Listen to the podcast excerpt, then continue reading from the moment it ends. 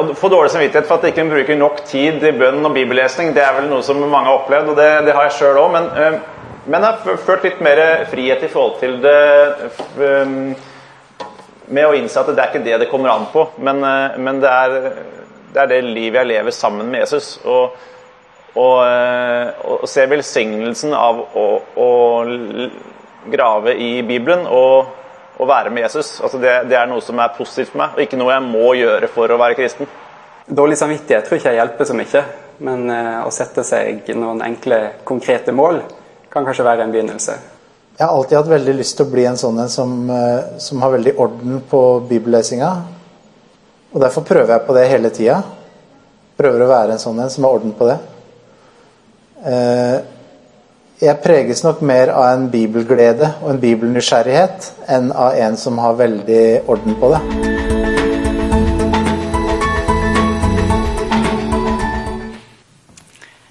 Jeg preges nok mer av en som har en bibelnysgjerrighet, enn en som har orden på det, sa siste mann her. Dere merket at når temaet er det som hadde med daglig tid med Gud å gjøre, så er det en god del gjenkjennelse for oss. Og samtidig så er det en påminnelse om at vi er veldig forskjellige. Det er typisk at dette med å sette av tid til bønn og bibellesing fort kommer under kategorien burde og skulle og uh, dårlig samvittighet. Jeg tror det er helt rett som noen av dem sa, at det er et dårlig utgangspunkt for å komme seg videre. Det vi skal snakke om i dag, det handler om noe mer enn spørsmålet om vi er gode nok for Gud. Jeg stresser det litt. Jeg sier det jeg har sagt det flere ganger. Ofte så, Når vi snakker om ting, så plasserer vi det veldig fort i forhold til er, er jeg god nok. Og, og da er tanken også raskt er, er min tro god nok? Er, er, jeg frelst? Men dette handler ikke først og fremst om vi er frelst eller ikke. Det handler om å legge opp løpet slik at vi holder helt til mål. Av og til så kan vi ha en opplevelse av at uh, vi kanskje tenker at det, det å ha tatt imot Jesus og tro på han, det, det er jo det som er viktig. Og det er det. Og da er vi på en måte ferdig, og så går vi videre. Men vi må også spørre oss om vi har en tro som, som kan stå løpet ut, hele livet ut, og at den langsomme veksten kan få skje. Jeg kjenner meg ofte som eh, fange av en, eh, en øyeblikkskultur. Der vi skal få plass til veldig mye og rekke over veldig mye. Akkurat som om vi er konstant redd for å gå glipp av noe. Det tror jeg er veldig mye av den kulturen som vi lever i i Norge. Jeg tror at valget da om å følge Jesus som er vårt gjennomgangstema i høst, det blir å si ja til å være del av en motkultur til denne øyeblikkskulturen. Der ting skal skje fort, fort og ha en umiddelbar nytteverdi. Dekke umiddelbare behov. Men det kan være ganske slitsomt å være en del av en, en motkultur. Fordi det krever at vi tar aktive valg hele tiden, hver dag. Og det er der kanskje jeg har opplevd at det er godt å, å hvile i noen sånne vaner eller en rytme som jeg prøver på en måte la være der.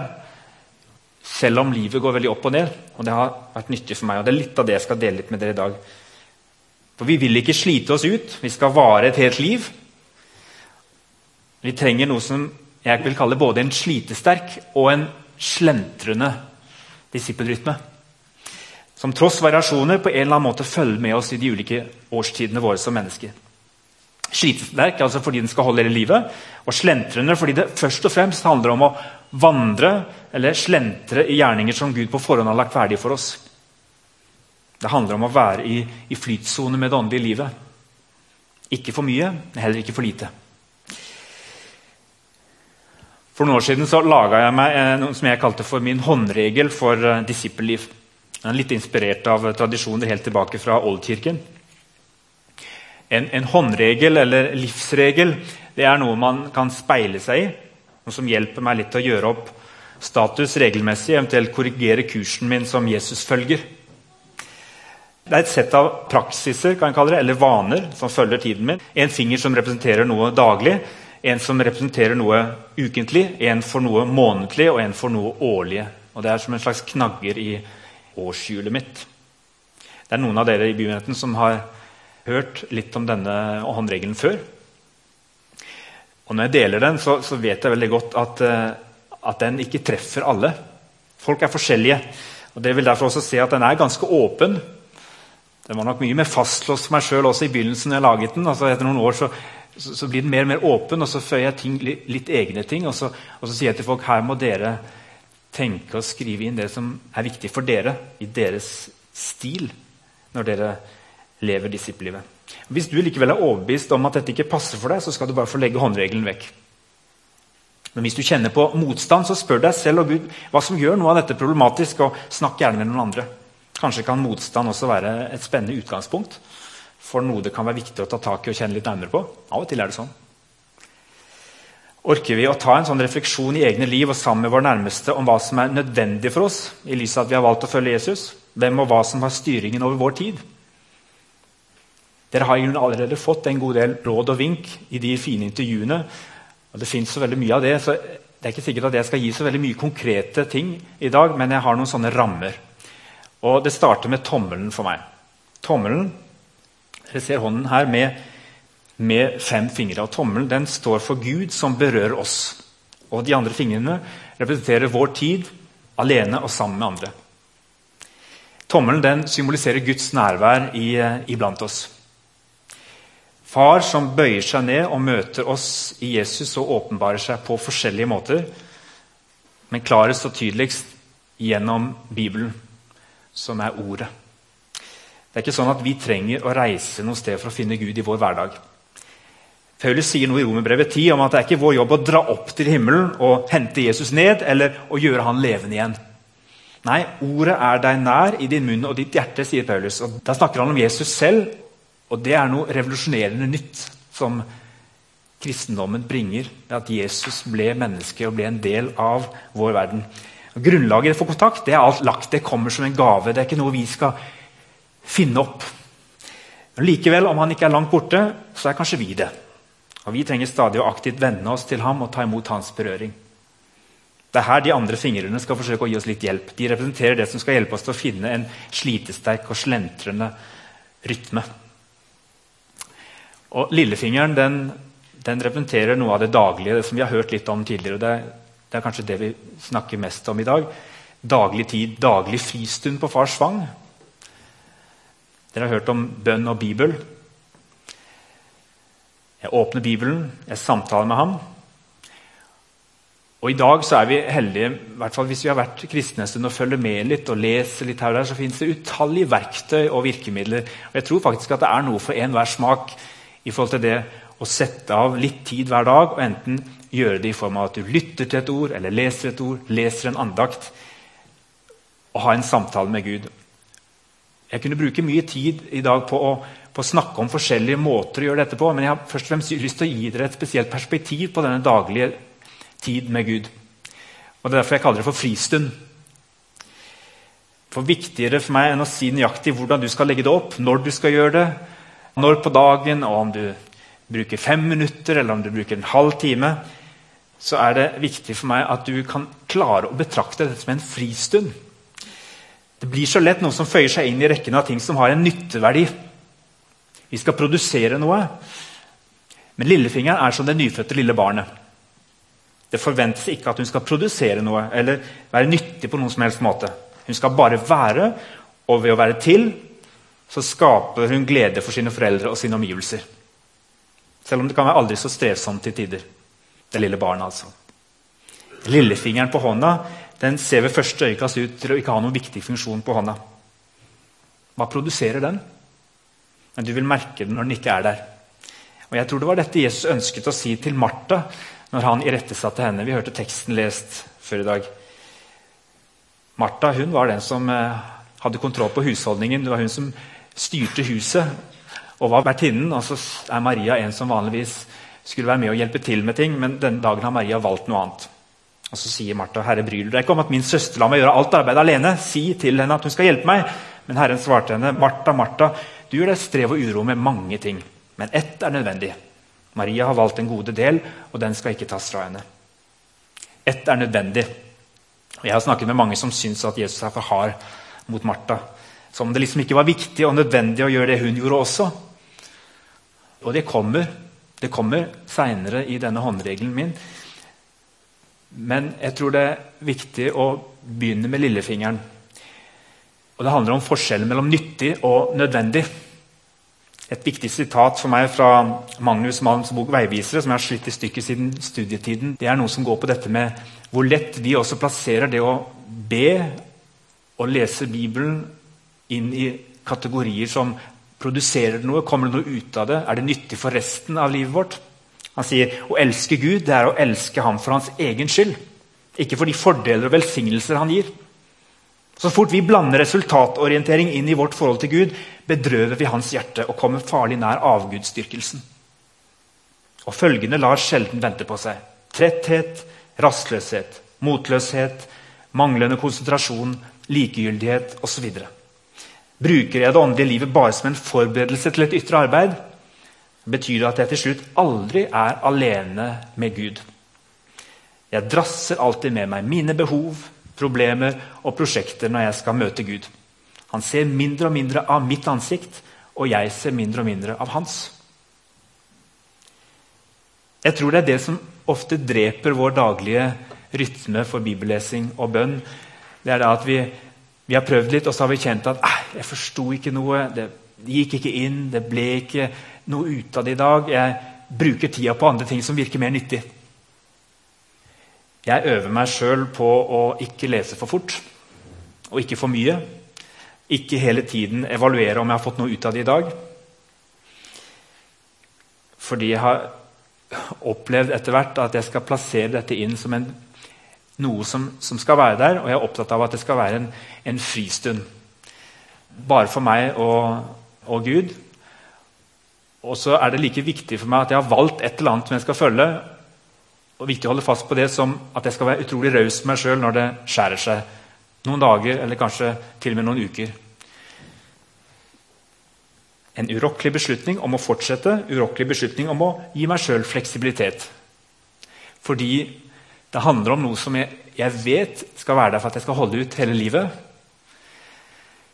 Og det handler om å få en påminnelse til meg sjøl om at han elsker meg. At uh, jeg trenger berøring med det han sier gjennom Bibelens ord, og samtale med han. Fordi det er også en måte å bade i hans nåde på. Bare være sammen med han. Vi trenger kjærlighet og bekreftelse fra andre mennesker. Men jeg tror ofte at vi trenger den ekstra mye hvis vi ikke i stor grad praktiserer den setningen som vi har lest. Altså, vi vet at Jesus at vi kan elske fordi han elsket oss først. Men hvis det bare er teori, så blir det fort sånn at vi må søke bekreftelse alle andre steder. Og jeg tror Det er noe av det som, som er viktig med den daglige stunden. Enten vi gjør det på den måten eller den måten, men det er en fristund der vi er litt som barnet. Bare sitter på hans fang og blir elsket, og elsker tilbake. Oppleves Gud mer som arbeidsgiver enn som far og venn? Det var et spørsmål som jeg, som jeg fikk. Jeg, gikk ned ved elva for, en, for noen år siden, eh, Storåna, og, og, kjente meg veldig sliten. Og så var det akkurat som om det kom en setning i hodet mitt som sa noe sånt som at du skal bare ta en pause fra meg, og så skal du komme tilbake når du kan møte meg som far og venn, og ikke som din arbeidsgiver. Kanskje en typisk spesiell melding til en prest, men jeg tror egentlig veldig mange av oss som er kristne, enten vi jobber fulltid i Guds rike, eller om vi har vært disipler en stund og kjempa med dette, her, så, så kan hende at Jesus stopper opp og spør deg det. Kommer du til meg som eh, min venn, for jeg har lov til å være din far? Eller kommer du til meg som om måte, vi skal ha et arbeidsgiverforhold, og det skal komme noe nyttig ut av det alltid? Så Det er mitt spørsmål til dere når dere evaluerer dere sjøl og skriver inn hva er mine praksiser, hva er det jeg får til og ikke får til, og hvor skal jeg legge meg på? Noe som kan være slitesterkt og som kan vare over lang tid. Det er mitt spørsmål. Når du velger det du skal gjøre, klarer du å, reflektere over om du gjør det som en, en, fristund, eller om du gjør det som enda en ting som måte, skal ha en plassering inn i alt det som skal være nyttig i livet ditt. Jeg er redd for at da ødelegger vi hensikten med det og målet med det. Og Så går jeg litt videre på de andre punktene som jeg har i min sånn håndregel. Den andre delen det er ukentlig fellesskap, som er symbolisert med ringfingeren. Den delen av håndregelen snakket vi ganske mye om på, på forrige gudstjeneste. Tommelen og ringfingeren de skal også berøre hverandre. Jesus han har lovet at der to eller tre er samlet i hans navn, der er han midt iblant oss.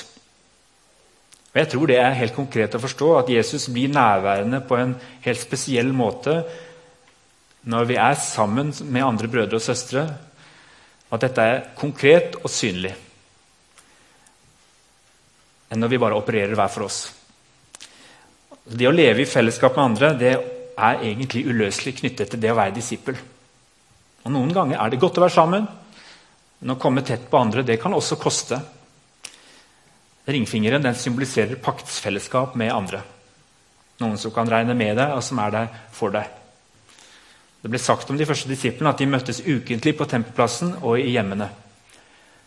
Når jeg snakker om denne ukentlige rytmen, så, så er det jo bare et utgangspunkt. Det kan godt hende at uh, vi får til å treffes med andre oftere. Men vi har jo en rytme sånn noenlunde i bymenigheten som er i sånn gudstjeneste annenhver uke og cellegruppe annenhver uke. Og det å på en måte få en rytme i det, sånn at vi møter andre mennesker som er kristne, regelmessig. Det tror vi er viktig. Småfellesskapet det gir mulighet for mer støtte og ansvarliggjøring enn et større fellesskap gir rom for. Småfellesskapet kan vi ta tilbake den utvidede familieforståelsen. Men så er vi også lemmer på, et, på en større kropp, på Jesu kropp. En del av et større og mer mangfoldig fellesskap. Lokalt og globalt. Og Det uttrykker vi her med storfellesskapet åpent gudstjenestefeirende fellesskap, ofte med nattvær. Det har alltid hørt med til en rytme. Og så hender det vi kjemper med å få det til. Vi strever med det. Hvor er du nå i forhold til det? Hva vil du si er dine praksiser i forhold til uken ukentlig fellesskap med andre som tror? Og Så er det den tredje av disse fingrene da, som tommelen berører. Og Det høres kanskje rart ut å snakke om at uh, vi skal ha en tjeneste på månedlig basis. Det er ikke helt det jeg mener, men jeg tenker at en gang i måneden, sånn trend kanskje, så er det bra å stoppe opp og reflektere litt over hva, hva er min tjeneste. Hva gjør jeg? Hva bidrar jeg med? Om det skjer i menighetens regi, eller om det handler om noe du får lov til å stå i nabolag eller på arbeidsplassen. Et kall det vil være individuelt om det dreier seg om én ting, eller om noen opplever at de har flere tjenester. Men det å ta den runden Noen prosjekter blir ferdig denne måneden. Andre skal få fortsette. Poenget det her det er å ta en runde med jevne mellomrom for månedlig på hva som er ditt fokus i tjenesten nå. Tilpassa de behovene du ser i eget og andres liv. Er det noe du skal forsake i en periode, si nei til, for å kunne si ja til noe annet? Prioritere det nå. Og få lov til å ha god samvittighet for at det er der jeg har mitt fokus nå. Og det er viktig at dette skjer også i relasjon til disse andre fingrene. Gud har vært i berøring med oss i, i det å være sammen med han daglig. Og han har møtt oss i et fellesskap. Og det gjør oss også tror jeg, i stand til å skjelne hva er det Gud vil at jeg skal prioritere nå. Og Spør han om det, still han det spørsmålet og løfter det fram og sier ok, er det den tjenesten som jeg har stått i lenge, jeg skal være i. og få lov til å fokusere på det. Er det noe annet?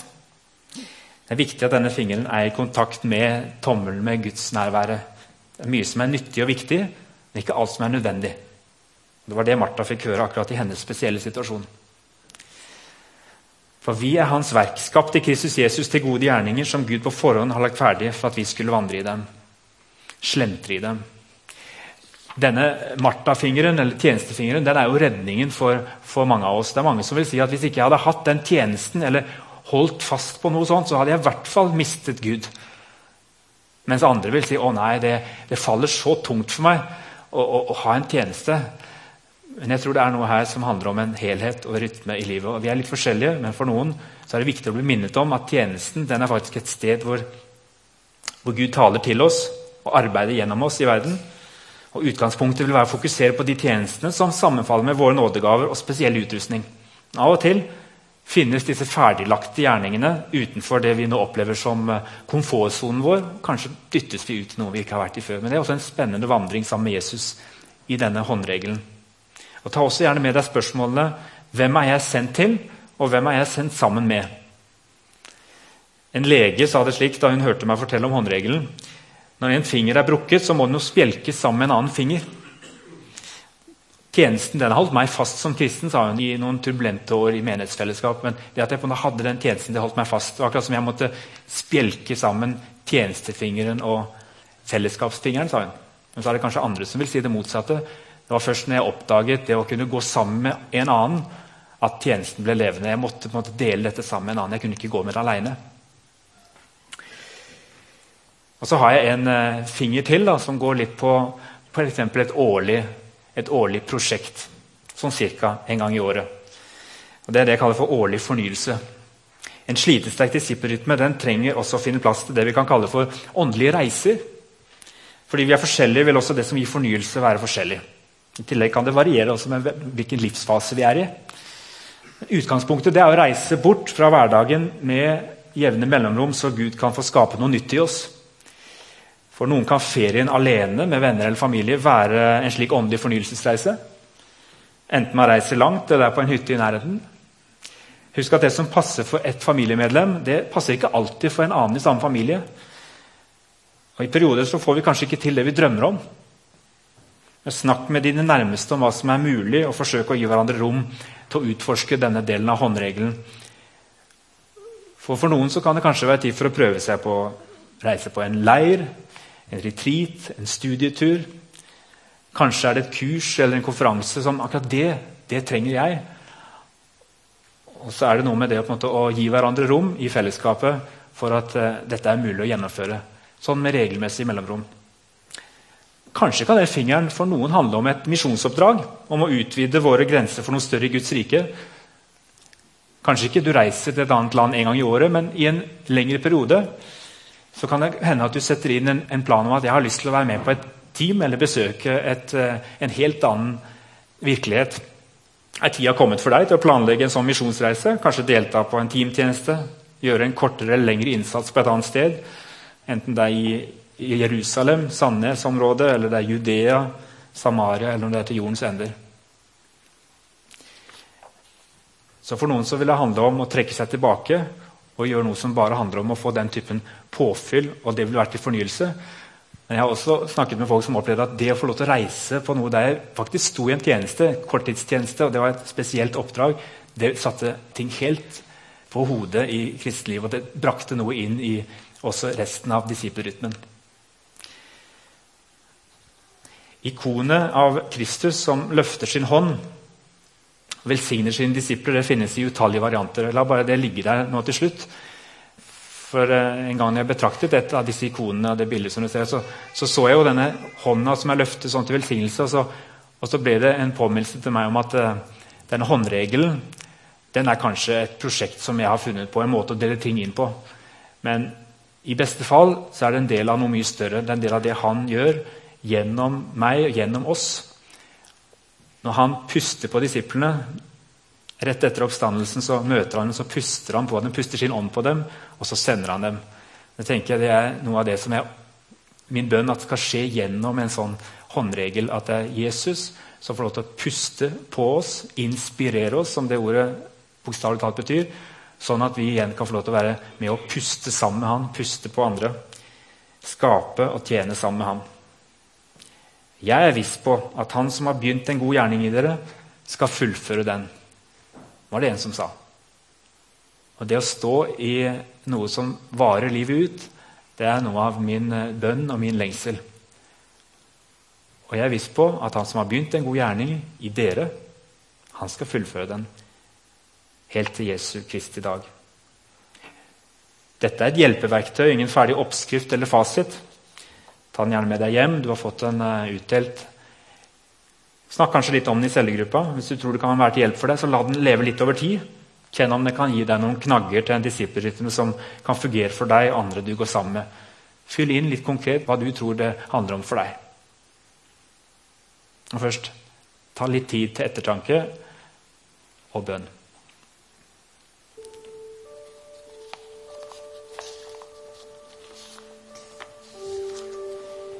Og jeg er trygg på at Han som begynte sin gode gjerning i dere, skal fullføre den helt til Jesu Kristi dag.